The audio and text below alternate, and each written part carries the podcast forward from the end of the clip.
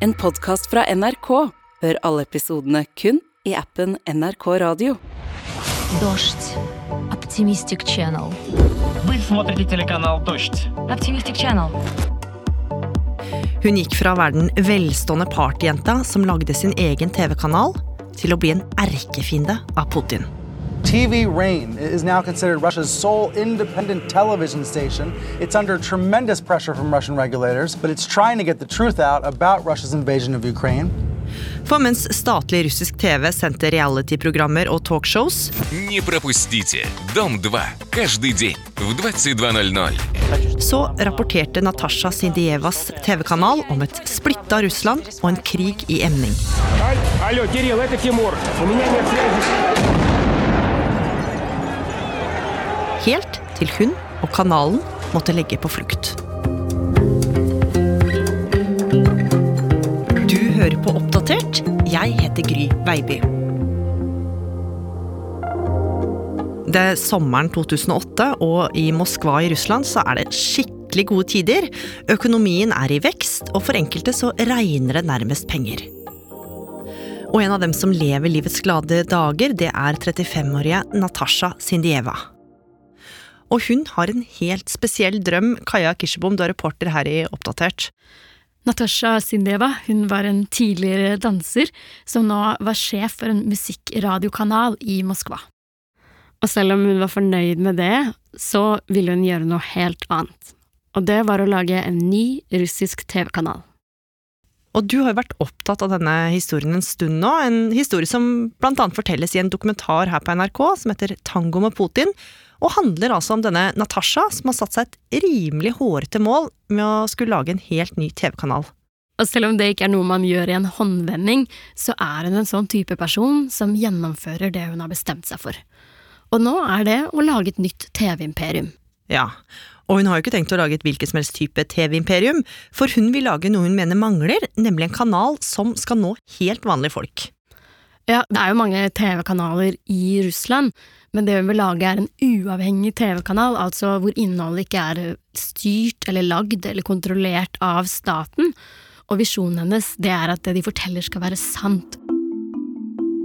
Og de som ser på, de skal føle at det snakkes om det virkelige livet, og nyhetene skal være litt som et realityshow, hvor alle er seg selv mest mulig, og hvor det hele fortelles og formidles på en veldig optimistisk og positiv måte.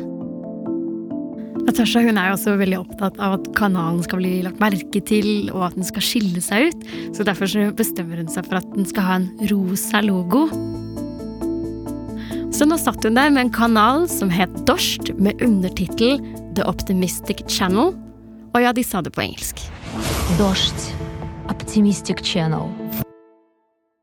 Og til tross for at Natasha ikke har noe særlig erfaring med å lage TV, så får hun med seg en erfaren journalist og den steinrike ektemannen på laget, og bretter opp ermene. Etter litt leting så finner de et stort, tomt lokale i en nedlagt sjokoladefabrikk. Det her bygget det luktet av karamell og rotter, og de satte i gang og, og laget studio og et klipperom og alt annet man trenger. Og for folk i Moskva så var det jo ingen tvil om hvem som kom kjørende i den forvokste, store rosa Barbie-bilen. Det var Natasha som promoterte kanalen. Og etter et par år med forberedelser så kan Natasha endelig sprette champagnen. To år etter at hun begynte å drømme, blir TV-kameraene slått på. Dårlig Optimistic Channel! Ура!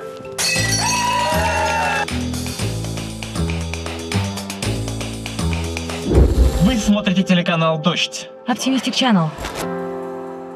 Og med det hadde russerne fått en ny TV-kanal.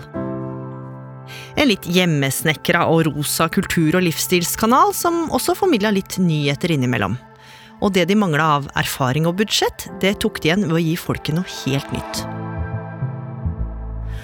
På lufta så kom de med et løfte til seerne sine, og det var at de var til for alle, uavhengig av alder, legning eller religiøs overbevisning.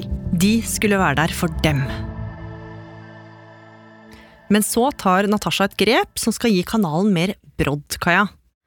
Natasha ansetter en ny sjefredaktør, og med han så blir Dusjten mye mer nyhetstung kanal. De begynner å dekke konflikter, av og til sender de reportere for å dekke hendelser som andre russiske medier ikke dekka. Og det at det her var en kanal som gjorde ting på sin helt egne måte, det ble spesielt tydelig da de dekka det russiske parlamentsvalget i 2011. I dette valget skulle det velges inn medlemmer til nasjonalforsamlinga. Og et av partiene som stilte, og som så an til å gjøre det bra, selv om kanskje ikke like bra som før, det var Putins parti. Sjefredaktøren bestemte at kanalen skulle se nærmere på valget, men på litt annerledes måte enn det de statsstyrte kanalene gjorde. Han fikk journalistene sine til å gå undercover som frivillige, som skulle passe på at alt foregikk i ordnede former når stemmene ble talt opp. Og det viste seg å være lurt, for det tok ikke lang tid før Dorst kunne melde om noe oppsiktsvekkende.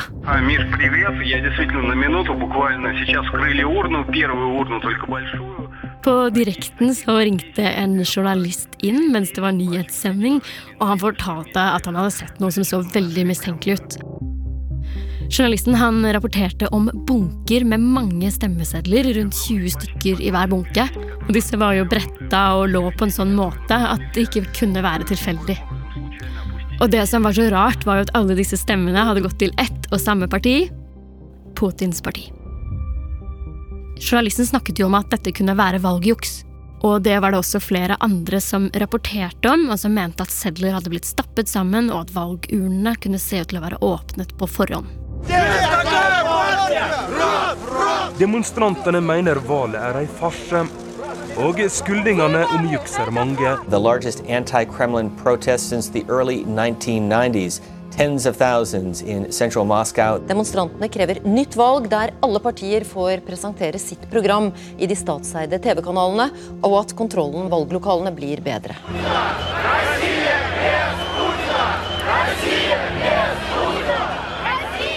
Og med kanalens valgdekning skulle Natasha nå merke at kritisk journalistikk ikke var like populært hos alle. For en av journalistene som dro for å dekke protestene etter valget, ble arrestert.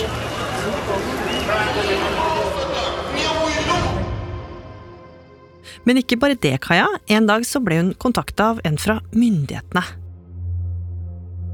For mens Dusht dekket protestene ute i gatene, så fikk Natasha en telefon fra en som jobbet i administrasjonen høyt oppe i Putins parti. Han var skikkelig forbanna og spurte hva de egentlig drev med, og om de løp USAs ærend i sin dekning. Natasha hun sa at han ikke var sjefen hennes, og at hun i hvert fall ikke jobbet for statlige medier. Til det så skal han ha svart noe sånn som at da skal jeg utslette dere. Men i stedet for å skremme Natasha til å slå av TV-kameraene og tilpasse innholdet etter hva myndighetene ønska, så gjorde Dorst det motsatte. Natasha skjønte at det hun drev med var viktig, og det skulle vise at også TV-seerne syntes, for seerne strømma til. De ble veldig populære, og kanskje hadde de nå funnet sitt egentlige kall, for nå var de i hvert fall langt unna det sukkersøte og rosa som kanalen hadde starta som.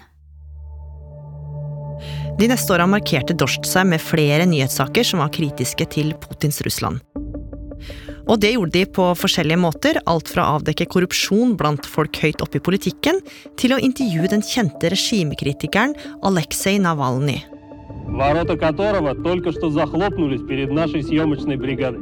Men de fikk ikke holde på helt som de ville, for kanalen ble utsatt for cyberangrep.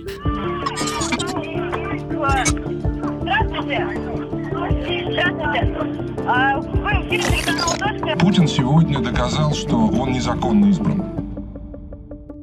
Da de var ute og dekket store regimekritiske demonstrasjoner, sånn som presidentvalget i 2012, hvor Putin kom tilbake som president, så opplevde journalistene og de som satt i nyhetsstudio, at det knitra skikkelig i linjene. Og lyden og TV-bildet det frøs mens reporteren deres gikk live, og det ble det jo selvfølgelig skikkelig dårlig TV av. Hvem som sto bak angrepene, det veit vi ikke, men det at Dorst var en kanal utenom det vanlige, det ble spesielt tydelig i starten av 2014 under opptøyene i Kiev i Ukraina. Короче, просто война настоящая.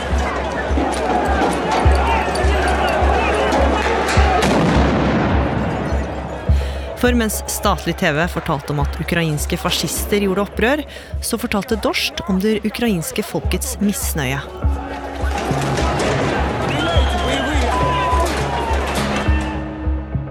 Like etter gjorde Dorst noe som skulle få store konsekvenser. For en januarkveld i 2014 så stilte de seerne et spørsmål som mange oppfatta som svært upatriotisk. Стоило ли сдать Ленинград, чтобы избежать смертей сотни, сотни тысяч человек? Да, стоило. De ville høre hva folk mente om påstanden om at Russland kunne ha spart mange liv om de hadde overgitt Leningrad til nazistene i 1941. Hvorfor var det så kontroversielt, Kaja? Nå må du bare henge med, fordi det jeg skal forklare, det er litt komplisert, men det er viktig for å forstå hvorfor dette var så provoserende. Under andre verdenskrig så hadde Leningrad, altså byen som vi kjenner som St. Petersburg, en av Russlands største byer, vært beleira i nesten tre år. Nazistene de ville ta byen, og i et forsøk på å ta den så stengte de alle veier inn og omringa St. Petersburg. Og i over 900 dager så holdt befolkninga stand mot nazistene, og de sørget for at uh, tyskerne aldri fikk tatt denne viktige byen. Men det var noe som hadde enorme kostnader. Det tok livet av over 750 000 sivile, og endte med at uh, mange ble drept av bombeangrep eller sulta og frøs til døde. Så dette var jo noe som fortsatt satt sterkt inne hos russerne. Flere seere, inkludert krigsveteraner, reagerte sterkt på kanalens spørsmål, og på nettsida til Dorst og på Twitter så begynte det å koke. Til tross for at kanalen beklaga og fjerna meningsmålinga, så var det for seint. De neste dagene så skjedde det en hel del offentlig og i kulissene. Dorst ble annet kritisert av flere politikere, av folk fra staben til Putin, og de ble også anmeldt til nasjonalforsamlingen. Men det verste var at Natasha ble oppringt fra flere kabeloperatører. Og de kom med beskjeden om at Dorst nå ville bli tatt av skjermen. Og nå gikk det jo en faen i Natasha. For istedenfor å gå stille i dørene, så gikk hun rett på sin egen kanal, live på nyhetssendingen, og fortalte om hva som hadde skjedd i kulissene.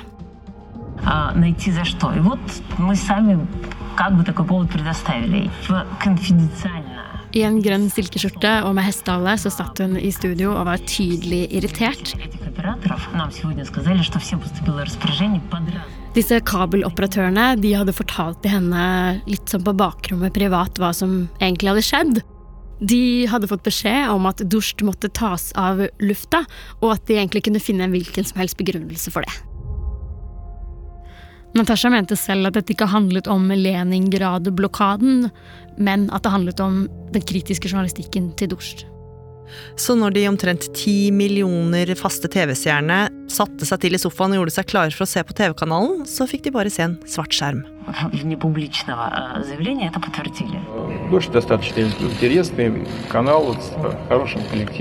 Da Putin э, selv ble spurt om Dorst i et TV-intervju, så svarte han at kanalen var en ganske interessant TV-kanal med et fint og ungt team, men at de hadde trådt feil og fornærma for mange av de russiske borgerne. Han ba dem om å innrømme det og tenke ut hvordan de kunne løse det Но надо вам это признать, вы, собственно говоря, это уже сделали. Og Natasha og redaksjonen de tenkte jo sikkert ikke på så mye annet, for de hadde jo fått selveste Putin på nakken. De hadde krisemøter og forsøkte desperat å se etter løsninger, og på en pressekonferanse som Natasha holdt, så sa hun at hun skulle kjempe for kanalen sin. Men selv om de lanserte en løsning hvor folk kunne betale for å se Dorst på nett bak betalingsmur for å få inn penger, så skulle de få helt andre problemer. For en dag fikk de plutselig beskjed om at de ville bli kastet ut av fabrikklokalet hvor de hadde sendt fra. Og i en jakt på nye lokaler så sleit de skikkelig, for det var ingen som hadde lyst til å leie ut til Dorst. Så i et siste desperat krampetak så så de ikke noen annen løsning enn å sende fra den lille leiligheten som Natasha disponerte i Moskva. Og der fortsatte de den kritiske dekninga fra stua. På soverommet skjøv de senga oppunder veggen og installerte et klipperom. Og selv om de skulle finne et nytt lokal etter hvert, så så Natasha seg stadig over skulderen og hadde en følelse av at hun av og til ble fulgt etter og overvåka. Og at hun var engstelig var kanskje ikke så rart, for i årevis så hadde russiske journalister dødd på mistenkelig vis. The fight for free speech has already cost six of the paper's writers their lives. The Kremlin denies any attacks on journalists.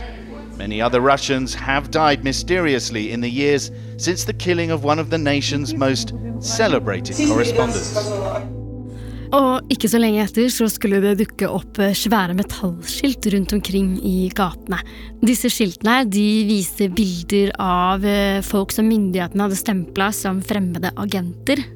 De ligna nesten litt sånn som man kan se for seg at det var i gamle western, hvor det står 'wanted' og bilder og litt tekst om hvem de er. I hvert fall i den samme stilen, og her var det bilder av Navalny, Pussy Riot, og det hang også bilder av Natasha. En ny sending går på lufta fra redaksjonen i den uavhengige TV-stasjonen Dorst. Her har de som kritiserer president Vladimir Putin og hans myndigheter, fått slippe til. Nylig havnet TV-stasjonen på en liste over medier som myndighetene kaller utenlandske agenter. De neste åra så sleit Dorst økonomisk, og til tross for at de klarte å overleve, så hadde de nok en følelse av at myndighetene konstant var ute etter dem. Og de fikk rett, for i 2021 kom beskjeden om at det russiske justisdepartementet stempla hele kanalen for å være utenlandske agenter. To the Russian state, the staff of this newsroom are foreign agents. But eller or TV Rain, has no connection to foreign governments. It's a designation that, the station's management says, is created to scare off subscribers and advertisers. Noen dager etter Russlands invasjon av Ukraina i februar 2022, så gjorde Putin det ulovlig å snakke om det her som en krig eller som en invasjon. Man måtte bruke ordet spesialoperasjon, og det ble rett og slett skikkelig strammet til for russiske medier. Myndighetene de beordret Dusht og andre til å stenge fordi de skulle ha spredd falsk informasjon om hva russiske soldater gjorde i Ukraina. På dette tidspunktet så hadde jo Dusht omtrent 24 millioner seere daglig. Og de sluttet å sende på nett med en gang, men holdt det gående på YouTube i to dager til. The Kremlin is criminalizing journalism about Russia's invasion of Ukraine. Russian officials are building digital and legal walls to shield citizens from the truth. On Russia's state TV, audiences are only being told what the Kremlin wants them to know about the war in Ukraine. TV Rain has always had to choose its words carefully. It's the only news channel in Russia that isn't pro Kremlin. Now the authorities are telling it what words it can and cannot use. For the Moscow prosecutor's office, TV Rain isn't trying hard enough. It's ordered the channel to stop spreading what it calls false information regarding the actions of Russian military personnel. Og nå skjønte Dorst og Natasha at det ikke var noen vei utenom. De måtte rett og slett legge ned. Og begravelsen den ble lagt merke til verden over. Det er 3. mars 2022. Og den tolv år gamle TV-kanalen har sin aller siste nyhetssending. I studio bak bordet hvor TV-ankerne vanligvis sitter, står Natasha med en hel haug av journalister. Altså, hele studio er fylt opp med folk som jobber både foran og bak kamera. Natasha ser inn i kamera og sier 'ingen krig'. Нет войны. Точно нет войны. Etter det forlater hun og de andre studio. Men skjermen den går ikke i svart. Den viser en gammel film i sort-hvitt. Et opptak fra en gammel russisk ballett, nemlig Svanesjøen.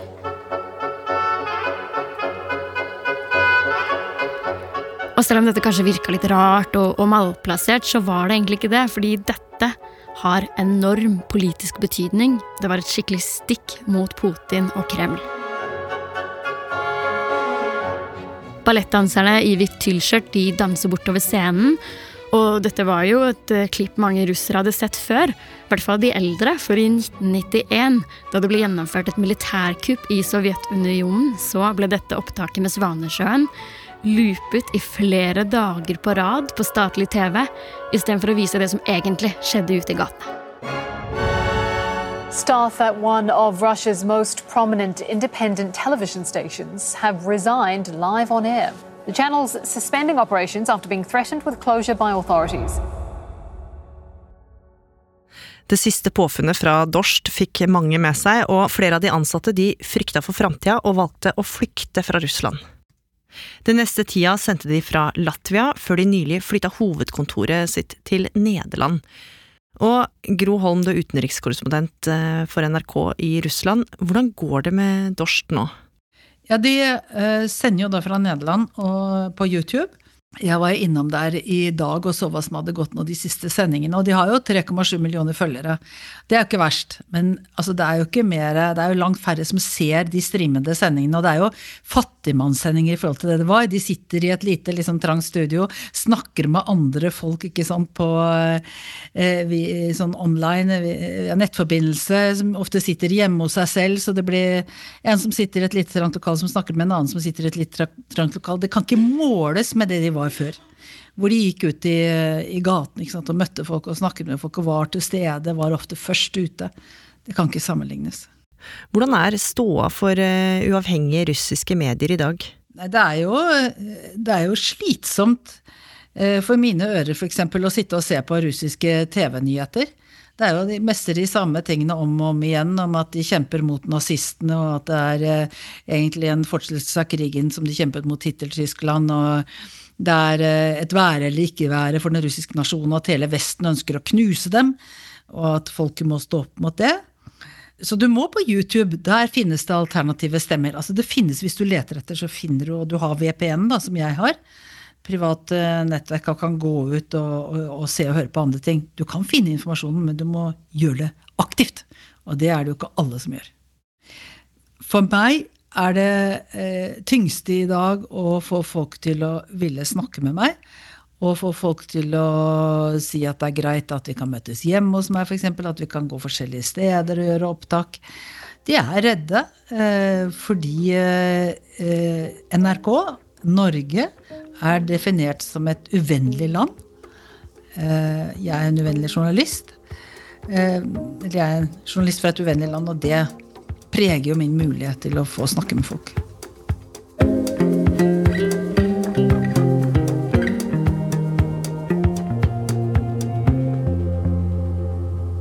Oppdatert er en podkast fra NRK Nyheter, og denne episoden den er laga av oss. Produsent Kaja Kirsebom. Teknikk og lyddesign Espen Bjørlo Mellem. Vaktsjef Ina Swann. Lars Hægeland. Og jeg heter Gry Veiby. Programredaktør er Knut Magnus Berge. Klippene du har hørt, er fra dokumentaren 'Tango med Putin', som ligger på NRK, CNN, Washington Journal, Dorst, VG, Al Jazeera og Dom 2. Har du tips eller innspill, så må du gjerne sende oss en e-post. Adressen er oppdatert krøllalfa nrk.no.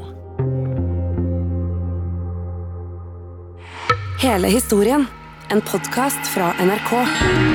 Mange pasienter frykter at de har blitt operert av legen som står eh, bak feiloperasjoner på Sørland. I elleve år skjærer en lege i kropper uten å ha riktig utdanning.